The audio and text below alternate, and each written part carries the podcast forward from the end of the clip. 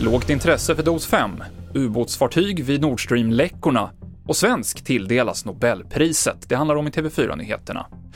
Ja, svenska kustbevakningen befinner sig just nu på platsen för Nord Stream-läckorna och på plats finns även den svenska marinen med bland annat ett ubåtsräddningsfartyg som kan utföra avancerade dykuppdrag. Men myndigheterna vill inte säga något om vilka insatser som görs på platsen. Två tonåringar är anhållna misstänkta för mordförsök efter skjutningen i Hässleholm i natt. En man i 20-årsåldern skadades då allvarligt, enligt Region Skåne.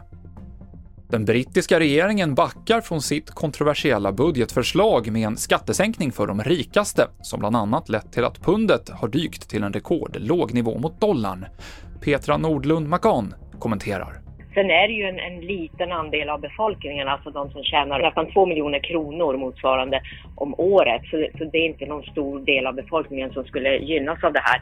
Men det sände från början ut fel signaler. Det, så att, jag vet inte hur väntat det var, men jag tror att det, det, var klokt eh, att göra det nu, eh, även om, om det kommer att, att eh, man kommer att få mycket kritik för det här för att man var tvungen att backa och för att man så envist höll fast vid det i alla fall i tio dagar när man såg hur marknaden reagerade och när man såg hur befolkningen reagerade.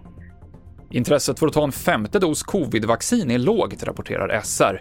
I vissa regioner har knappt hälften av alla över 80 år tagit dosen och bara en tredjedel av dem mellan 65 och 79 år, trots att Folkhälsomyndigheten rekommenderar det.